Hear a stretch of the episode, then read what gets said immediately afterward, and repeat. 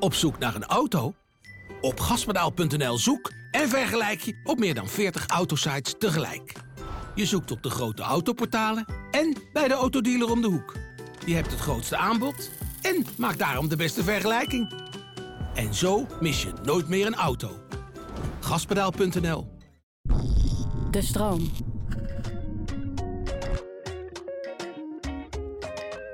Ja, mensen. Goed dat je weer luistert naar een nieuwe aflevering van Crypto Takkies. Mijn naam is Raoul Essenboom en in deze podcast ga ik je alles leren over Bitcoin, blockchain en cryptocurrencies. En we geven hier uiteraard geen adviezen waar je geld in moet stoppen. Nee, nee, nee.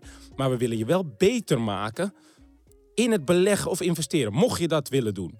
Uh, en we gaan je trouwens ook waarschuwen voor de veelgemaakte fouten. En als je nog maar weinig weet van cryptocurrencies, no worries. Deze podcast is er echt voor iedereen. Dus ook speciaal voor de beginners, want we gaan alles haarfijn uitleggen. En als het goed is, hebben we dat ook al gedaan in de vorige afleveringen. In de vorige aflevering hebben we het gehad over NFT's.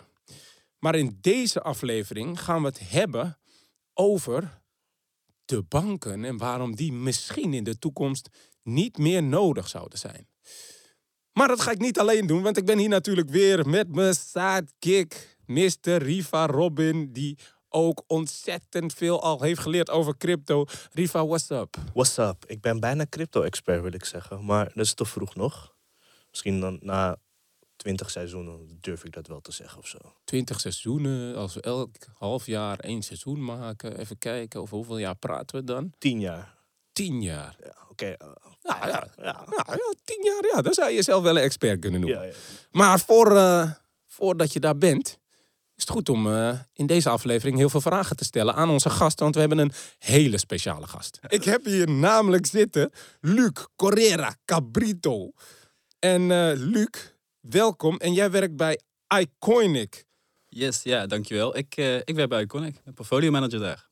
Kan je eventjes kort vertellen wat jullie uh, doen bij, uh, bij Iconic? Zeker, zeker. Um, ik leg Iconic altijd uit als een bedrijf wat investeert in crypto. Um, dat doen wij namens klanten, dus we zijn een investeringsfonds. En daar hebben we drie verschillende smaken in. we doen dat voornamelijk algoritmisch. Dus dat betekent dat we ja, bots voor ons laten treden. die doen dat ontzettend snel. High frequency noemen we dat. En um, ja, daarmee maken wij rendementen voor onze klanten. Oh, high frequency trading. Dit, dit klinkt al zo dat ik denk, damn. Hé, hey, maar wacht. Meneer zei drie smaken. Je hebt er eentje uitgelegd. Wat zijn die andere twee? Oh, ja. Ja, nou, we weten natuurlijk dat crypto ontzettend omhoog en omlaag kan gaan. Um, we hebben namelijk een fonds uh, ontwikkeld wat hetzelfde ja, high frequency, het hele snelle handelen gebruikt. Uh, maar die doet dat op een portfolio wat um, ja, niet blootgesteld is aan de prijsrisico's van crypto. Dus dat betekent dat we ja, uh, tegelijkertijd long en short gaan op een positie. Ik weet niet of... Uh, en dat noemen ze hedge, toch? Dat noemen ze inderdaad hedge. Dus wij noemen dat ook het, uh, ja, het, het hedged fonds, als het ware. Ja.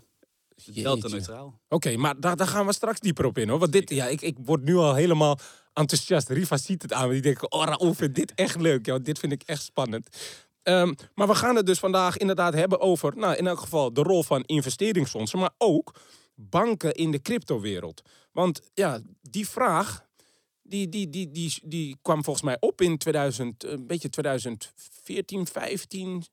Toen, toen zagen ze al van ja, crypto, misschien zou dat iets kunnen betekenen. En toen in 2016, 17, nou, toen werd het steeds populairder dat mensen dachten van nou, die crypto's die worden echt wat. En toen kwam die vraag op van ja, zijn banken nog wel nodig in de toekomst? Um, dus daar wil ik het vandaag over gaan hebben. Want er zijn landen waar crypto al wordt gezien als een legal tender, dus een soort van geldig betaalmiddel. Uh, nou, El Salvador bijvoorbeeld, waar uh, we natuurlijk die mail over hadden gekregen van onze meneer Ricardo, die in het zonnige El Salvador zit. Daar kan dus al met bitcoin worden betaald. Maar wat is en wordt daar de rol dan van, uh, van die banken dan in de toekomst? Nou, maar voor we de diepte in gaan duiken, gaan we natuurlijk eerst eventjes het hebben over weer een belangrijk woord in de crypto space. Dikke Vandalen weer open. Dus die dikke Vandalen, dat woordenboek gaat weer open. En ik zie Riva al de pagina's omslaan. En we gaan naar de D. En we zoeken het woordje DEX zoeken we op. Nou, stel we gaan zoeken naar het woord DEX. Wat vinden we, Riva? Nada, niks. Niets, noppas, nada. Nou, DEX. Wat zijn DEX'es en waar staat dat woord DEX eigenlijk voor? Nou, dat staat voor Decentrale Exchange. Ja, Riva?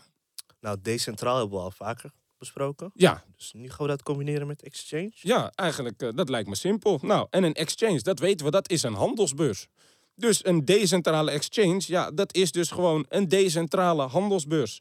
Eh, nou, kan je ook denken, decentrale handelsbeurs, jeetje, wat een shitwoord. Eh wat heb je daar nou weer aan? Want wat maakt een decentrale handelsbeurs dan zo anders dan bijvoorbeeld een centrale handelsbeurs? Ehm, nou, heel, hele korte uitleg. Bij een centrale handelsbeurs ben jij eigenlijk niet in het bezit van hele speciale sleuteltjes die eigenlijk verantwoordelijk zijn voor de uitgave of het mogelijk maken van transacties. En bij een decentrale handelsbeurs, daar gebruik jij je eigen sleuteltjes voor en dat zijn de privésleutels. En dat is eigenlijk het grote verschil tussen decentrale en centrale handelsbeurzen. Ehm, er zijn nog meer verschillen. Want bij decentrale handelsbeurzen willen ze ook de fees eigenlijk voor het mogelijk maken van transacties iets eh, ja, minder laten zijn, zodat dat wat goedkoper is. De servicekosten laag. De servicekosten inderdaad wat lager houden. Eh, maar ja, bij een decentrale handelsbeurs, ja, weet je, je moet toch vertrouwen op die technologie. Je hebt niet een partij waarbij je kan zeggen, ja, ik wil jullie een beetje de schuld geven. Er zit geen extra verzekering achter of zo. Dus daar moet je ook rekening houden bij een decentrale exchange. Eh, nou, Dexus dus. Ja, een decentrale exchange. Heb ik dat zo eh, duidelijk uitgelegd, Riva en Luc? Het staat nu in onze woordenboek. Oké, nou gelukkig. Ehm, want dan gaan we nu meteen weer verder. Want ja, decentrale exchanges. ehm, misschien zouden we ook wel kunnen denken in de toekomst aan decentrale banken of zo. Weet je wel? Dus hoe zit dat nu met banken en crypto, Luc? Kan jij er wat meer over vertellen? Eh, ja, ik, eh, ik denk het wel. Eh, ik denk namelijk ook dat er naast de DEX's, de decentrale exchanges, dat, dat is een, een onderdeel. wat misschien ook een, een bank zou kunnen betekenen voor je. Dat je dus nou, bijvoorbeeld omwisselt naar een andere valuta. Dat kan ook via banken gebeuren. Dus dat is ook één functie van de banken. Ehm, daarnaast hebben ze ook de functie voor het bewaren van jouw valuta. Eh, in dit geval dan nou ja, voornamelijk euro's. Maar ik zou me ook best voor kunnen stellen dat er een dienst komt waarbij de bank het, eh, het beheer van jouw private keys overneemt. Ehm, want het is toch een hele verantwoordelijkheid om zelf ja, die privésleutels bij te houden. Eh, want ja, als je ze kwijt bent, er is niemand waar je aan kan kloppen. Er is geen bedrijf waar je naartoe kan om te zeggen van... hé, hey, ik ben mijn, mijn, ja, mijn privésleutels vergeten. Ehm, ja, net zoals je je wachtwoord kunt vergeten. Ehm, ja, er is geen partij die ze aan, aan jou terug kan geven. Dus misschien dat daar de zekerheid van een bank die ze voor jou in bewaring neemt... ehm, ja, toch wel kan helpen. En, en die privésleutels, die, die zijn dus heel belangrijk. Maar waar zijn die privésleutels nou zo belangrijk voor? Ik gaf, gaf net al een korte intro, maar wa- waar dienen ze voor?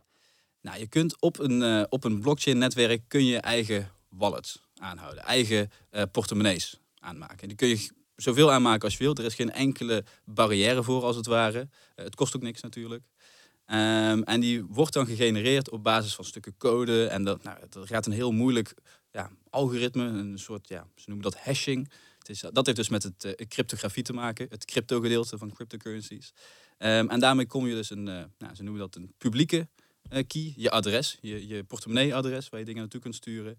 Ehm, maar heb je dus ook je, ja, het wachtwoord daarvoor, hetgeen wat toegang geeft tot aan die portemonnee. Dus eigenlijk de sleutel tot die portemonnee. Dus je, je privésleutel, zoals ik het een beetje zo, eh, zo, zo zou willen beschrijven. Stel op dat internet, hè, de, blockchain, hè, we zien een internet voor ons.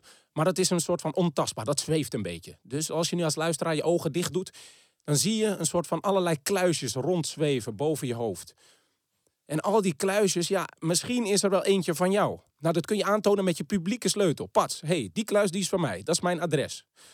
Maar stel dat je die kluis hebt aangewezen en je hebt bewezen met je publieke sleutel dat die van jou is. Ja, die kluis die moet natuurlijk ook nog open, want er moet ook geld uit.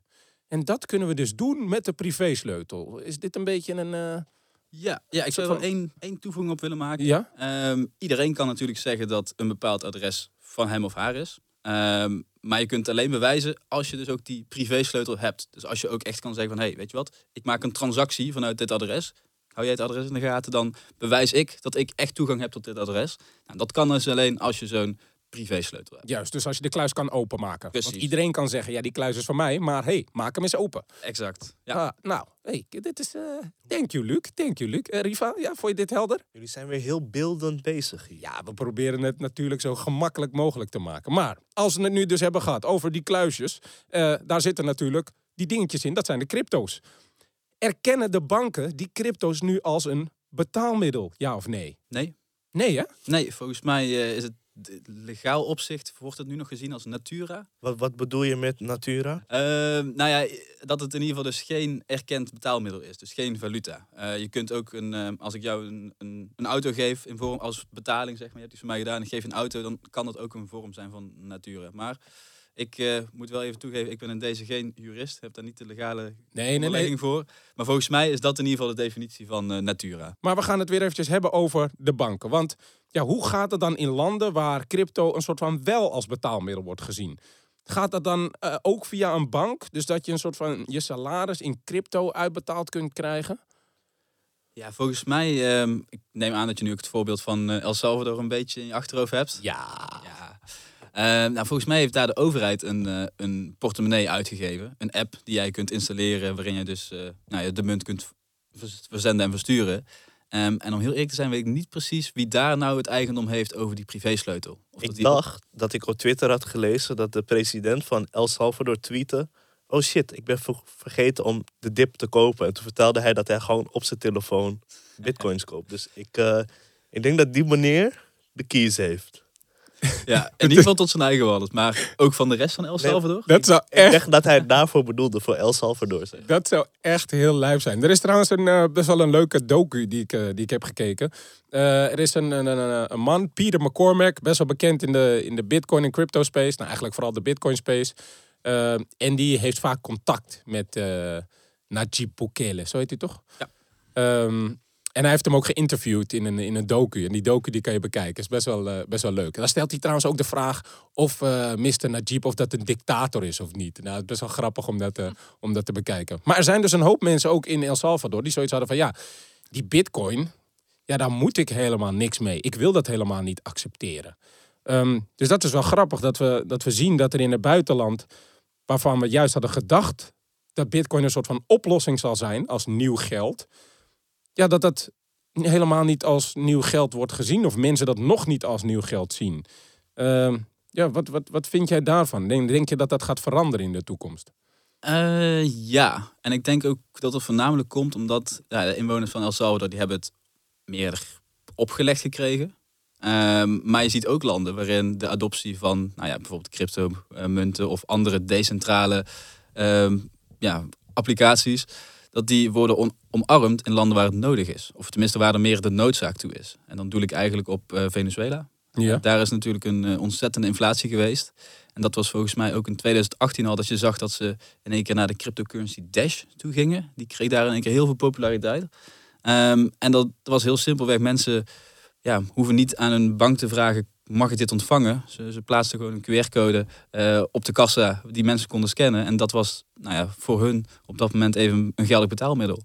Ehm, ik weet niet of dat dan ook legaal helemaal erkend is. Of hoe dat dan zit met de belastingen die ze erover moeten betalen. Maar ehm, ja, je zag wel op het moment dat ze men de eigen valuta niet meer vertrouwde.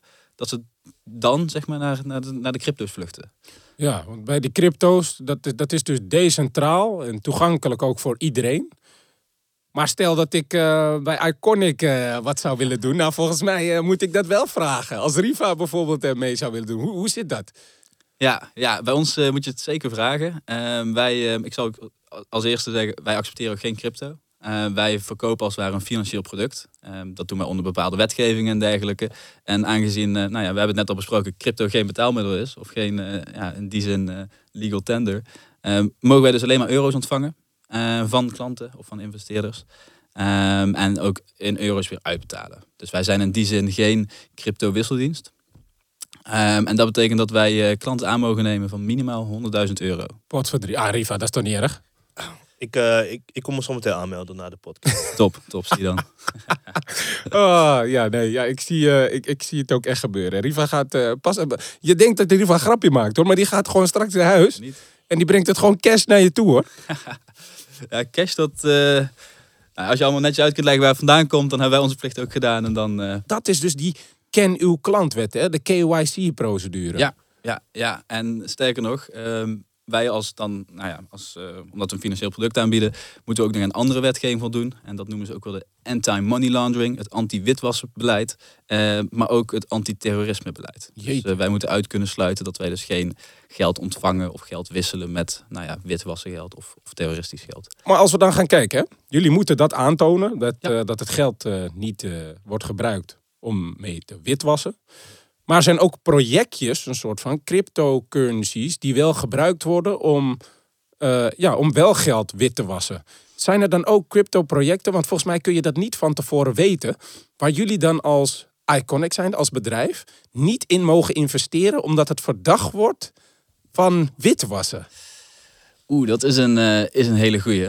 Ehm, nou, wij zijn, laat ik vooropstellen, omdat wij dus moeten voldoen aan de, de, het anti-witwasbeleid en het terrorismebeleid en dergelijke, ehm, kunnen wij dus niet handelen op de DEX die we eerder hebben genoemd. Eh, op een decentrale exchange. Want daar ontbreken namelijk de controles of iemand die daar handelt inderdaad niet aan het witwassen is. Of inderdaad niet ehm, eh, ja, iets met verkeers met zijn geld doet, als het ware. Wij als Iconic mogen dus niet op deze beurzen zitten, omdat we niet uit kunnen sluiten dat. Betekent niet dat wij deze tokens niet aan mogen kopen. Ehm, we mogen alleen niet op deze markt zitten. Dat is een beetje, Aha. ja, een beetje een raar verhaal. Nee, nee, nee, ik begrijp het wel. Het is, een beetje, het, het is een beetje, het is geen grijs gebied, maar jullie moeten je dus gewoon houden aan bepaalde regels. En je moet een bepaalde, een bepaalde safe marge moet je daarin houden. En dat doen jullie, eh, ja, denk ik, ontzettend goed. Ja, Riva, ik zie je kijken alsof je echt een brandende vraag wil stellen. Nee. Nee? Oké, nou is niet erg. Want ik wil hem wel stellen. Want jullie investeren. En dat investeren als fonds, ja, dat moet je aan de ene kant wil je dat doen in een soort van stabiele assets. Want hè, je, je wil natuurlijk niet te veel risico lopen, maar aan de andere kant denk je ook van ja, hé, hey, we moeten wel een beetje risico nemen, want we willen ook graag verdienen. En crypto is natuurlijk aardig risicovol. Dus ja, hoe gaan jullie daarmee om? En, en als tweede vraag dan, wat kunnen jongeren daarvan leren? Dat vind ik een heel mooi, mooi bruggetje wat je maakt. Ehm, nou, we hebben dus, zoals ik al zei, drie verschillende fondsen. Twee zijn puur op basis van, nou ja, hoe goed kunnen we een bepaalde token of coin handelen? Hoeveel kansen zijn er in de markt voor, voor ons algoritme om daar geld op te maken? Dus dat is een heel ander proces om te bepalen of een, een bepaalde asset goed is voor het fonds. Maar we hebben nog een derde smaak die ik net eh, niet helemaal toegelicht heb. En dat noemen wij het, het DeFi-fonds, het Decentralized Finance Fonds. Dat is ook het fonds waar ik zelf eh portfolio manager van, eh, van ben. Dus daar eh, ja, ook het onderzoek grotendeels voor doe, de lange termijn strategie uitzet. Eh, en hetgeen waar wij daar voornamelijk naar kijken, ehm, of het wel al een project is met een geschiedenis. Ehm, dus het is niet het nieuwste ja, hot project, eh, wat nu de hype of de trend is. Maar we zoeken wel naar projecten die nou ja, serieuze track records hebben. een staat van dienst, zoals we dat dan noemen. Ehm, waar we dus vertrouwen uit kunnen halen dat ja, dit is een fundamenteel, dus een, ja, een, in, ja, vanuit, vanuit zichzelf een inhoudelijk een hele goede asset. Ehm, en dat geeft ons genoeg vertrouwen om in te investeren. Ja, dan kom je eigenlijk een beetje een soort van op de vormen van analyse en onderzoek Ja. die je doet. Je, je, je hoor- je gaf al het woord, aan, het woord aan fundamenteel, dus jullie doen fundamenteel onderzoek. In de vorige aflevering hebben we het ook gehad over NFT's en hoe je daar onderzoek moet doen. Riva, weet je nog goed wat het lijstje was wat Wouter Kloosterman eh, aanhaalde, van Ja. waar je op moet letten? Volgens mij begon hij met, we gaan eerst de website checken. Dus eh, check de website. Daarna gaan we kijken naar het team. En dan ga je kijken van, is het team bekend? Want als het goed is, zijn er ook heel veel projecten waar het team anoniem is. Dus daar moet je ook al wat vraagtekens bij, bij zetten. Ehm, en dan ga je kijken van, oké, er is een team bekend. Ehm, wat voor achtergrond hebben ze? Nou, voor NFT's was het natuurlijk, je kijkt naar een creatieve achtergrond, maar ook naar een technische achtergrond. Misschien financiële achtergrond. En daarna ga je kijken naar de planning, de roadmap. En als het goed is, waren dat zeg maar drie, vier pijlers. En dan als laatste zei Wouter nog van, en hou ook natuurlijk de socials, dus Twitter en Discord, goed in de gaten. En ik zeg daar nog bij van, ja, weet je, je kan Twitter en Discord goed in de gaten houden, maar je wil niet, eh, ja, hebben dat je in een soort van secte belandt. Dus laat een vriend, vriendin eh, ook nog eventjes met je mee kijken of lezen, die een beetje verstand heeft van zaken. Eh, zodat je zeker weet dat je niet ja, een soort van ja, gek gemaakt wordt door iedereen. Is dit een beetje dat lijstje van NFT's, wat jullie een soort van ook volgen? Ja, ja, absoluut. Ehm, sowieso, website beginnen is ehm, ja, altijd het, startpunt. Dat is altijd de, de eerste indruk, eh, of die goed is of niet. Of eh, dat ze ja, de zoveelste website hebben gekopieerd en een beetje tekst hebben aangepast. Ehm, daarnaast inderdaad het team. Eh, dat, dat bedoelde ik eigenlijk ook met de geschiedenis van het project. Hoe hebben zij zich ontwikkeld? Waar komen ze vandaan? Ehm, ik denk een, een toevoeging op deze lijst zou zijn dat eh, we ook wel interesse hebben in nou, de use case. eh, van, dus, eh, dus heeft, het, heeft het project een bepaald nut? Vervult het een bepaald doel? Ehm, is er vraag naar? En dat is bij NFT's minder, omdat het daar natuurlijk ook om de artistieke waarde gaat. Ehm, dus we lezen ook bijvoorbeeld whitepapers door of kijken naar nou, of ze samenwerken met andere projecten en, en hoe die integraties met elkaar zitten. Dus daar kijk je meer vanuit het ecosysteem. Ehm, Wa- Wat is precies een whitepaper? nou, ik vind, ik zou niet per se zeggen lees de whitepapers, want af en toe staan die helemaal vol met wiskundige formules waar ook ik helemaal niks mee kan. Of onzinverhalen? Of inderdaad onzinverhalen. maar over het algemeen is zo'n whitepaper ehm legt in ehm, nou, een best wel een gedetailleerd overzicht uit.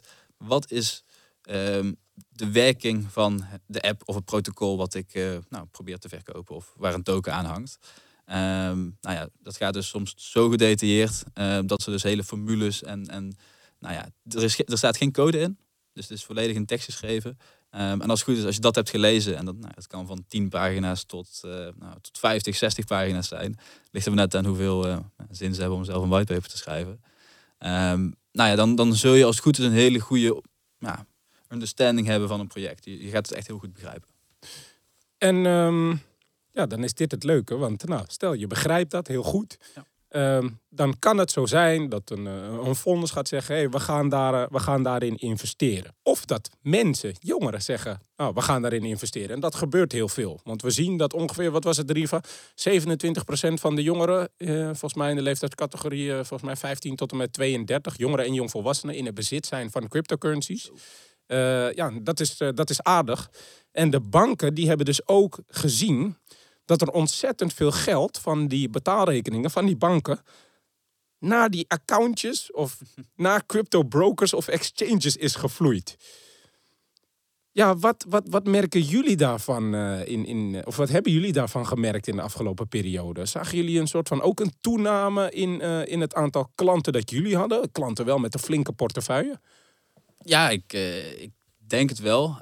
Als we dan even de laatste periode wel iets breder pakken. zeker als we even kijken naar het afgelopen jaar. was natuurlijk een ontzettend goed jaar eh, voor de cryptomarkten.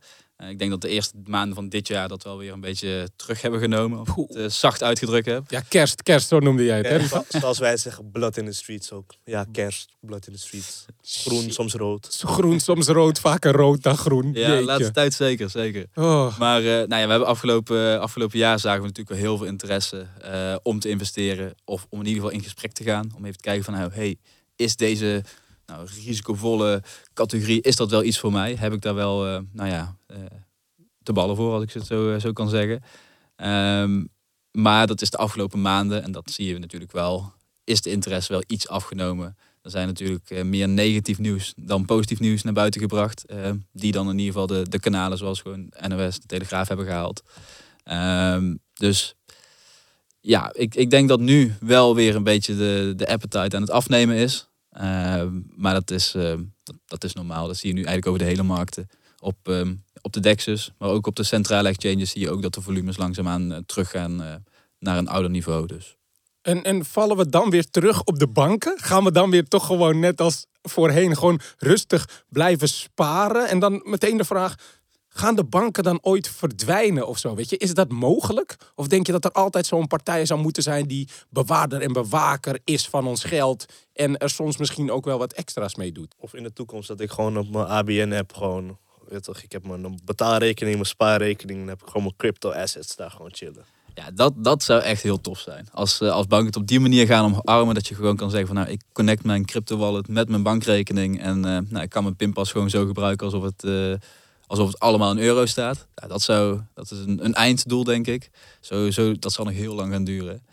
Ehm, ja, ik, ik denk dat we, als je daar echt antwoord op wil geven of wil hebben, moet je helemaal teruggaan van waarom zijn de banken ooit eh, ontstaan? Ehm, en dat is toch wel om vertrouwen te creëren, eh, denk ik. Of in ieder geval om, om een bepaalde zekerheid te hebben. Ehm, nou ja, waarom is het Bitcoin-netwerk ooit ontstaan? En dat is juist om niet meer afhankelijk te zijn van dat vertrouwen. En, en van die, dat je die zekerheid in eigen handen neemt. En dus veel meer het, het, ehm, ja, de macht naar het individu. Dan gaan we het wel over heel ideologisch hebben. ik denk dat die gedachte, dat gedachtegoed, dat is er altijd nog wel aanwezig. Eh, bij de een wat extremer dan de andere. Eh, sommige mensen denken dat je de hele staat op de overheid of op de blockchain kunt organiseren.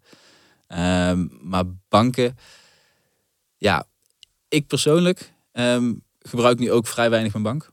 Ehm, puur voor het ontvangen van salaris en voor het betalen van nou ja, de dingen in de supermarkt. Eh, maar het sparen doe ik zelf eh, voornamelijk in crypto. Ehm, maar ik zou denk ik ook, als ik bijvoorbeeld eh, mijn oma een, een crypto spaarrekening zou, voor haar zou gaan sparen in crypto. Dan denk ik ook niet dat ik ehm, heel zelfverzekerd de, die privésleutel aan haar ga overhandigen omdat nou ja, mijn oma is toch iets minder digitaal onderlegd. Um, weet toch ook ja, niet precies wat het dan allemaal betekent. Um, nou ja, en als dan die privésleutel inderdaad komt te verliezen, ja, dan, dan is het weg. Dus ik kan me wel voorstellen dat een bank in deze dan, of een bankkluisje, uh, dat je daar dan alles veilig op kunt slaan. Uh, dat je in ieder geval wel naar een, een bureau toe kan, naar een persoon toe kunt, uh, die jou dan kan helpen. met het bewaren en het, het onderhouden van jouw privésleutel. Dus kortom, Mr. Luc denkt dat de banken niet verdwijnen. Ze gaan niet verdwijnen. Ik denk dat ze alleen een iets andere invulling gaan krijgen. We hebben in deze podcast hebben we heel vaak gesproken over geld op, op, op je, ja, je, je crypto wallets, um, normale bankrekeningen.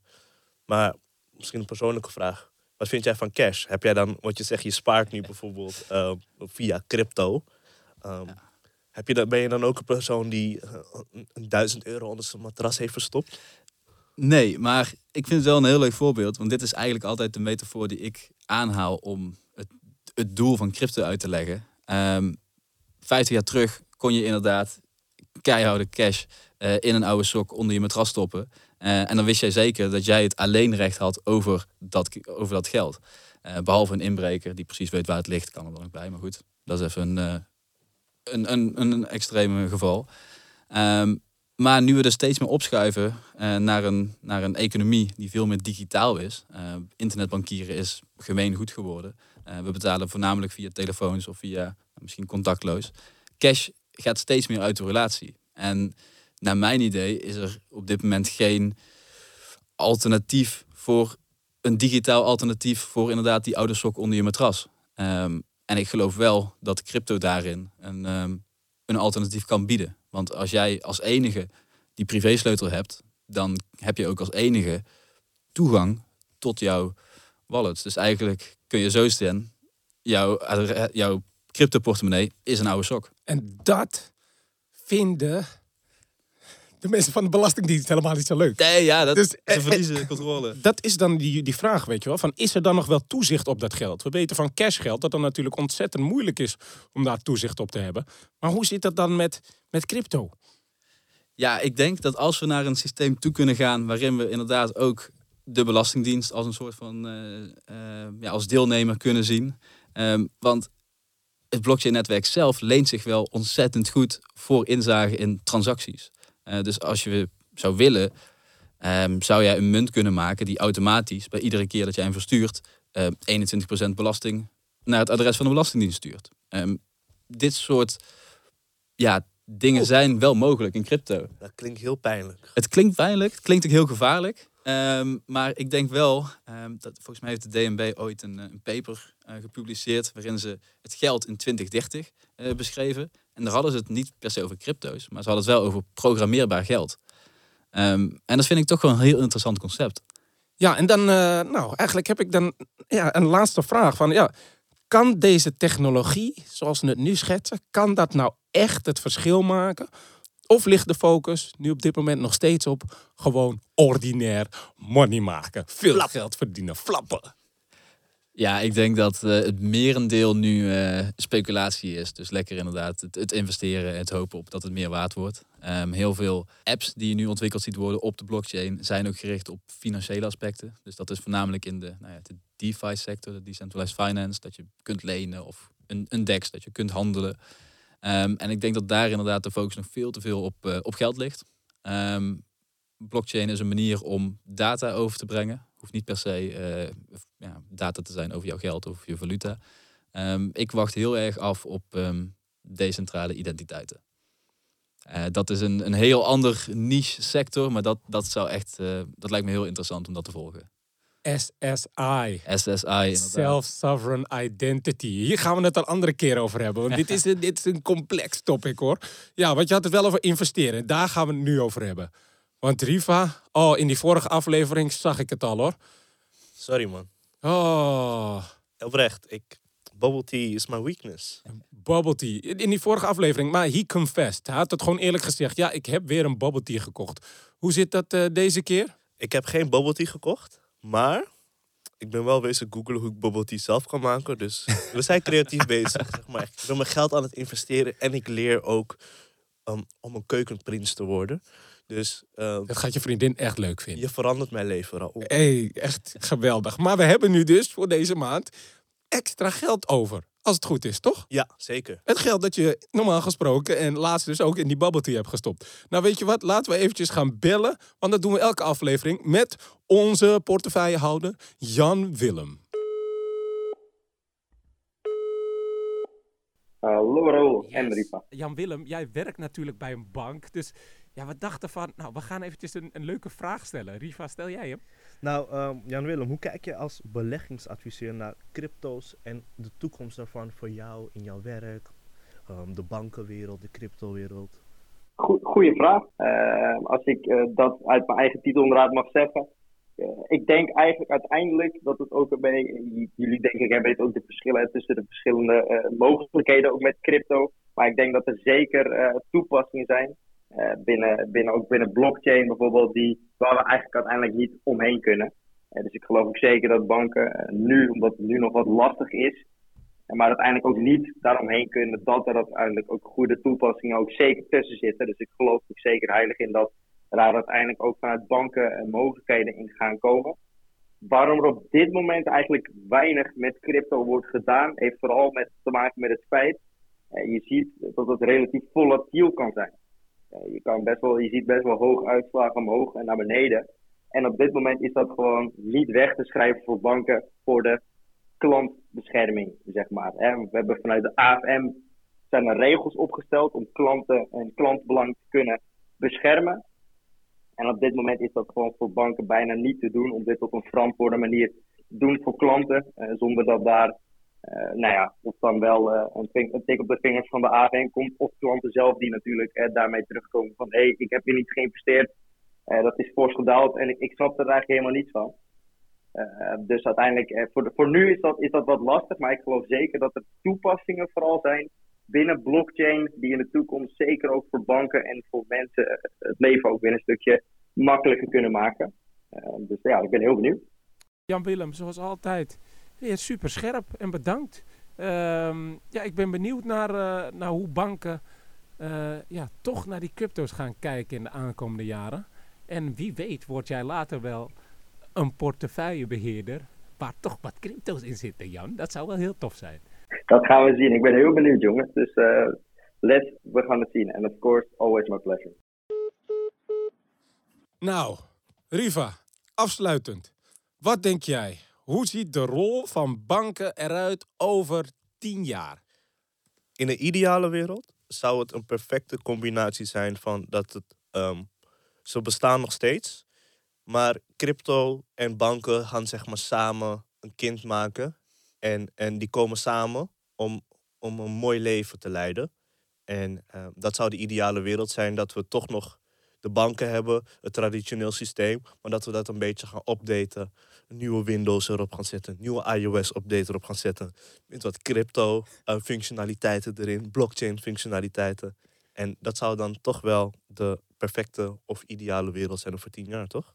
Jezus, prachtig. Ja, ik, eh, heel tof. Heel tof dat je dit, eh, dat je dit geleerd hebt. En eh, na het luisteren van deze podcast kan ik me vast voorstellen dat jij als luisteraar ook van alles geleerd hebt, maar, denkt, maar nog steeds denkt van, ja, ik heb nog meer vragen. En misschien wil je die ook stellen. Dus als jij vragen hebt en veel meer informatie wil over bijvoorbeeld de veiligheid van je wallet of natuurlijk die privésleutels, ja, hoe dat nou precies zit. Of dat je zegt van, nou, ik zie hier een specifieke coin en ik heb hier het idee, ja, dat het toch een beetje een scam is. Nou, stel die vragen dan gewoon.